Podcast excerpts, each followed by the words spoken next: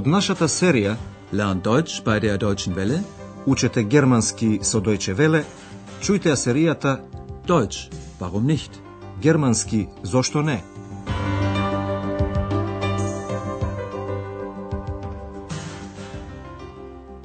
Liebe Hörerinnen und Hörer. Драги слушателки и слушатели, денес ќе ја слушнете 21-та лекција од четвртата серија.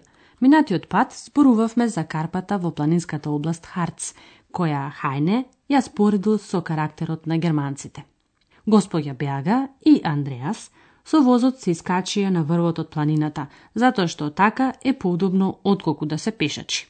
Слушнете го тој дел уште еднаш и внимавајте на споредбите со ви и als.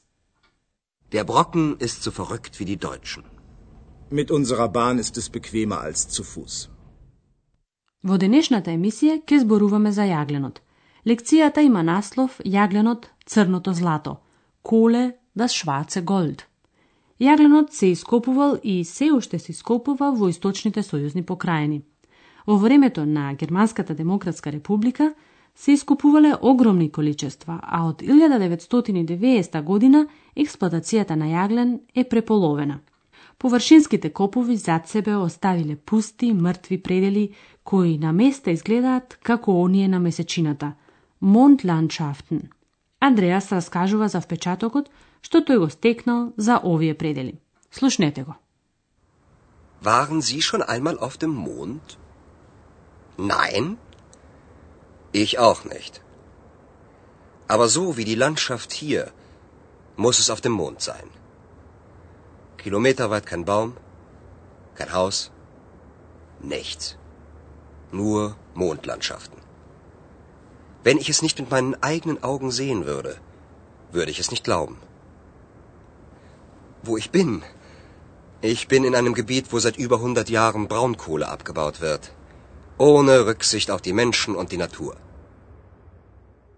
Андреас започнува со прашањето дали некогаш сте биле на месечината. Монд. Waren Sie schon einmal auf dem Mond? Прашањето секако е реторичко, бидејќи и Андреас не бил на месечината. Меѓутоа, природата каде што се наоѓа го подсетува на месечината. Aber so wie die Landschaft hier, muss es auf dem Mond sein. Надалеку не може да се видат ниту дрва, ниту пак куки, само предели како на месечината. Kilometerweit kein Baum, kein Haus, nichts. Nur Mondlandschaften. Ова остава толку голем впечаток врз Андреас, што тој нагласува. Да не го видев ова со собствени очи, немаше да верувам. Wenn ich es nicht mit meinen eigenen Augen sehen würde, würde ich es nicht glauben. Андреас објаснува дека се наоѓа во предел, гебит, каде повеќе од 100 години се ископува јаглен. Ich bin in einem Gebiet, wo seit über 100 Jahren Braunkohle abgebaut wird. Јагленот се ископува повеќе од 100 години без да се води сметка за луѓето и природата. Ohne Rücksicht auf die Menschen und die Natur. Што точно значи ова, ќе дознаете од следниот разговор на Андреас со една постара жена. Таа живее во едно подрачје во кое повеќе генерации живеат од ископувањето јаглен. Иако со оваа работа го нарушуваат своето здравје, Gesundheit, тие немале друг избор. Слушнете го разговорот. Das Dorf ist leer. Es wohnen nur noch wenige Menschen hier. Aber Sie wollen bleiben? Ja, ich bin eine alte Frau. Ich war immer hier. Ich will hier bleiben. Sie haben also immer hier gelebt? Gelebt und gearbeitet.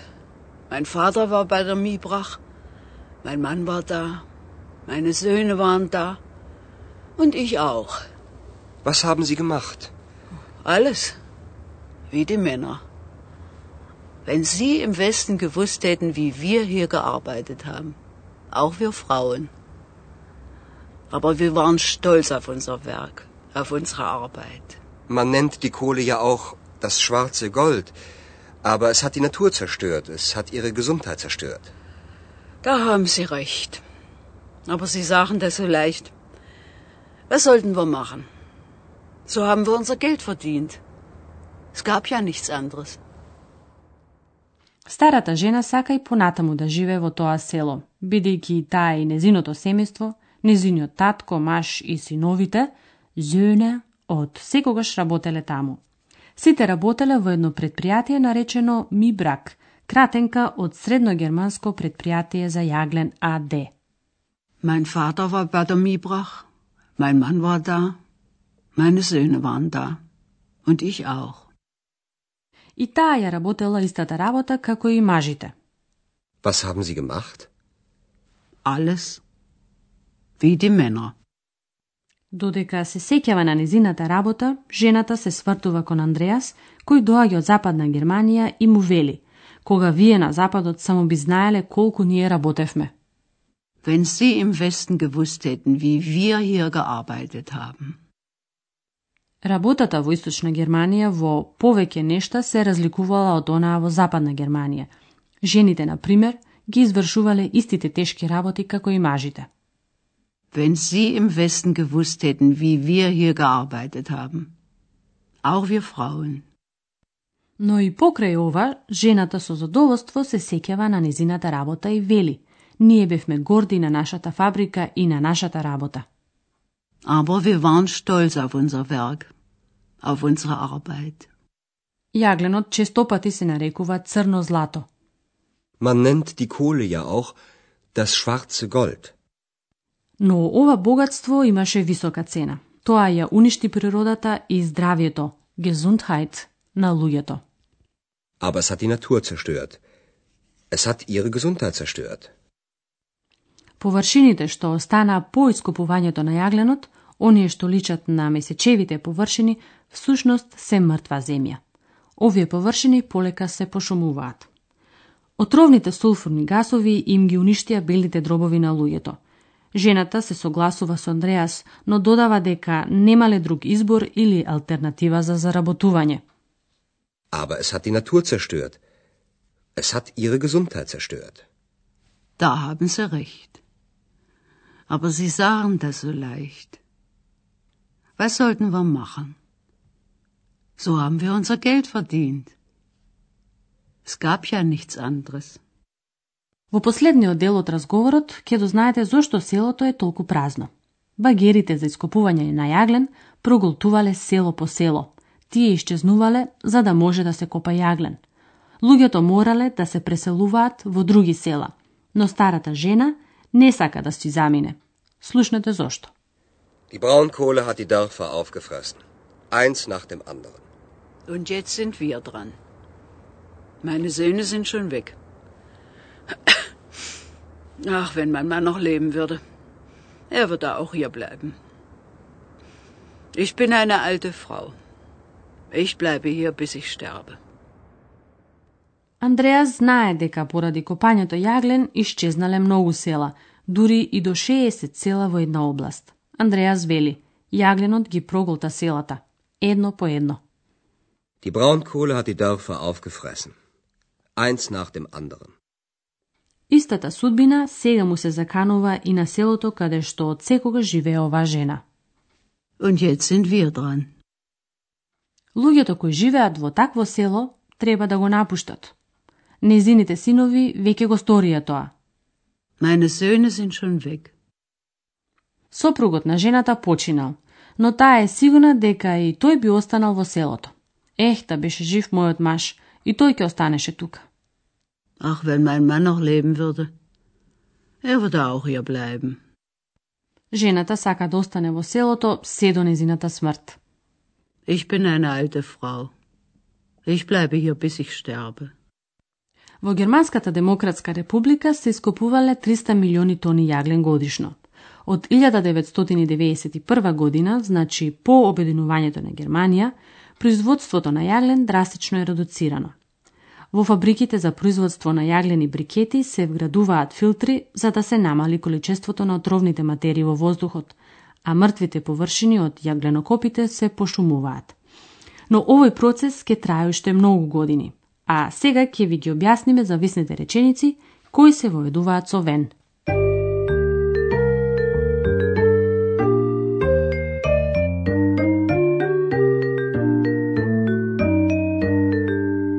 зависните реченици воведени со вен изразуваат услов или желба.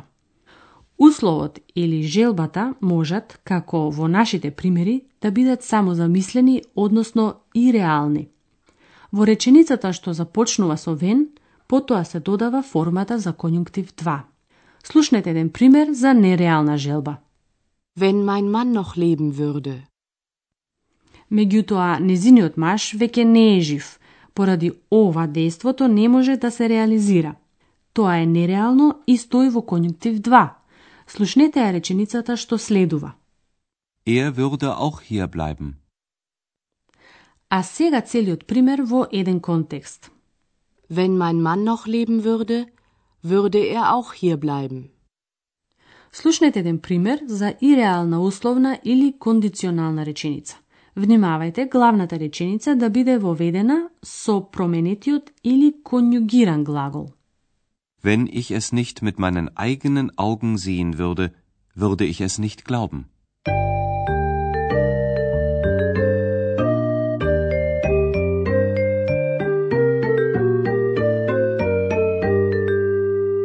На крајот уште еднаш ќе ги слушнеме трите текстови. За таа цел, седнете удобно и слушате внимателно.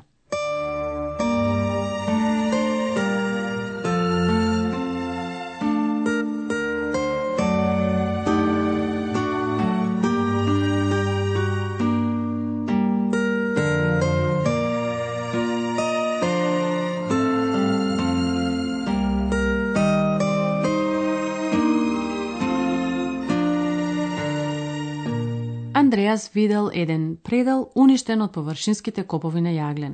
Waren Sie schon einmal auf dem Mond? Nein? Ich auch nicht.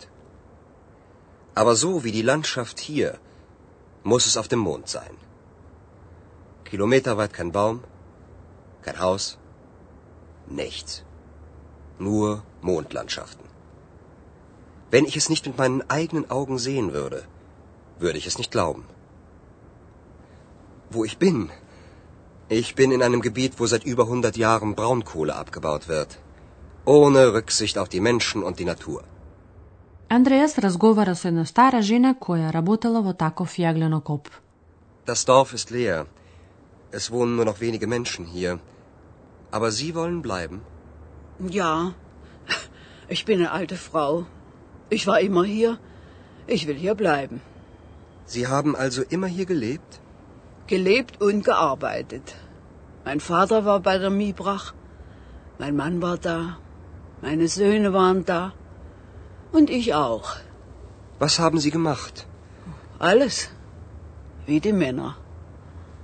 Wenn Sie im Westen gewusst hätten, wie wir hier gearbeitet haben. Auch wir Frauen. Aber wir waren stolz auf unser Werk, auf unsere Arbeit. Man nennt die Kohle ja auch das schwarze Gold.